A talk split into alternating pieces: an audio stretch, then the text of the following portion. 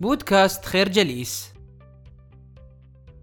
الإبداع ليس فقط مسألة ترف يعيشه الإنسان في أوقات الفراغ أو حين يكون العقل تواقا إلى لحظات اليقظة والتأمل. إنه أكثر من ذلك بكثير لأنه مثل ذلك الطفل الموجود في دواخلنا والراغب في التحرر من سلطة الجمود والخمول. لكن مشكلة الإنسان مع الإبداع هي دوما حينما يقيد الإنسان نفسه بالروتين أو يبقى حبيس توقعاته المستقبلية اللامتناهيه أي أن الإبداع يأبى الاختناق. فمتى تم قمعه أو تكسير قوته؟ إلا وانهار ومات طوعا أو كرها في نفوس الأفراد والمجتمعات على حد سواء. ما نريد التأكيد عليه هو أن التفكير الإبداعي ضرورة آنية وصيرورة اجتماعية لا بد منها لكي يبقى الإنسان على قيد الحياة. وقتله في النفوس هو الجريمة التي لا تغتفر. ويكفي لكي نرى ونقرأ بشكل واضح خطورة الجريمة أن نرى بأن الأبحاث التي أجريت على تراجع الإبداع وموته مخيفة بشكل كبير. أكدت الأبحاث أن 1500 طفل من ثلاث إلى خمس سنوات صنف 98% منهم على أنهم عباقرة في التفكير التباعدي. أما الفئة العمرية بين 8 وعشر سنوات فإن النسبة انخفضت معهم إلى 32% فقط. وكلما كبر السن وصولا إلى 15 سنة انخفضت النسبة مرة أخرى إلى 10% الفكرة الإبداع لا يحيا إلا في بيئة حاضنة له وإلا تم قتله. طرح الكتاب قضية جنائية بامتياز حين يتساءل بكل جرأة عمن قتل الإبداع. لكن هذه الجرأة تبدو مفهومة حين نستحضر الأبعاد التي يتحدث عنها الكتاب.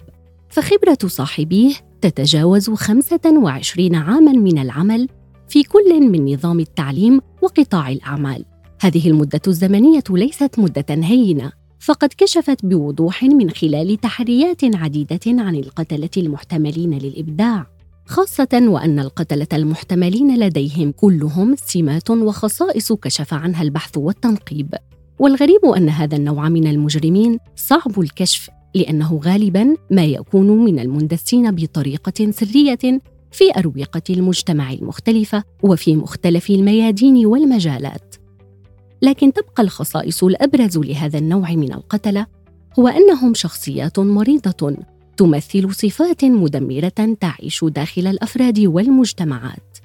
وباختصار شديد تمثل عملية قتل الإبداع وظروف ارتكاب الجريمة معطيات غاية في الأهمية وهي أن القتلة المفترضين قد قاموا بجريمتهم وفق الخطة المشار إليها فيما يلي.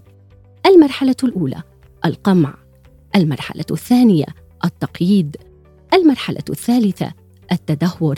المرحلة الرابعة التدمير. الفكرة قتلة الإبداع قاموا بجريمتهم وفقا لمراحل خطيرة كشف عنها البحث والتنقيب. عادة المعامل الجنائية أنها تعطي وتزود العدالة والباحثين الجنائيين بما يفيد التعرف على الجنات. وبما أن وظيفة المسعفين أنهم أوائل من يصل إلى مسرح الجريمة فإن الغاية دوما هي إنقاذ ما يمكن إنقاذه. وفي الحالة التي نتحدث عنها فالمجني عليه هنا هو الإبداع فهو الضحية الأولى وهو من يحتاج إلى عملية إنقاذ وإنعاش بناء على تقرير يراعي دراسة ثلاثة عوامل. إنقاذ التفكير الإبداعي الفردي الضحية الأولى للجريمة. إيجاد حلول جماعية. قناة الإنعاش. تأسيس أنظمة ابتكارية نظام دعم الحياة للتدخل الابتكاري المتواصل. هذه العملية مهمة جدا بالرغم من أنها تبدو بسيطة من أول وهلة فهي بالأساس تريد من كل إنسان يريد أن ينعش ويحيي فيه الإبداع من جديد أن يوسع نطاق تفكيره. فالإبداع في نهاية المطاف هو توسيع مساحات التفكير وليس تضييقها أكثر مما هي ضيقة ومخيفة. هي مغامرة فيها نوع من الألم ولكنها ممتعة وشيقة لأنها تستهدف إنقاذ جانب من جوانب انسانيتنا الضائعة وتحيي فينا معركة من معارك التفكير الابتكاري والإبداعي الذي يوفر لنا استراتيجيات الارتقاء والالتقاء بحياة أفضل وأمتع. الفكرة عملية إنقاذ الإبداع وإحيائه فينا مغامرة تستحق منا المبادرة والإقدام.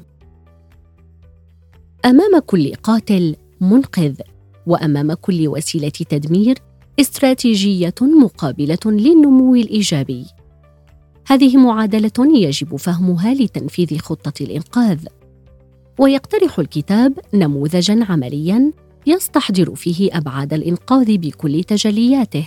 ويختزلها في مجموعة من العناصر. نجملها فيما يلي. المرحلة الأولى التحرر. التقدم للأمام والتفكير بحرية. المرحلة الثانية المبادرة. التخلص من الضغوط وتحقيق النمو. المرحلة الثالثة التحفيز إحداث التحول. المرحلة الرابعة الدافع إجراء تغييرات حقيقية. ولتنفيذ هذه الخطة يحتاج المرء إلى استيعاب كل المعطيات وذلك من أجل المساعدة على تجميع الصورة. ويبدو أن هذه الأمور والمراحل كلها تعطينا نظرة شاملة عن قتلة التفكير الإبداعي ومنقذيه. كما أنها تساعد على مواجهة التحديات الفردية والجماعية التي تستهدفنا ككائنات لا تعيش إنسانيتها إلا في ضوء الإبداع والابتكار. الفكرة خطة إنقاذ الإبداع تقتضي تطبيق خطة محكمة تتضمن أربع مراحل. نشكركم على حسن استماعكم. تابعونا على مواقع التواصل الاجتماعي لخير جليس. كما يسرنا الاستماع لآرائكم واقتراحاتكم. ونسعد باشتراككم في البودكاست.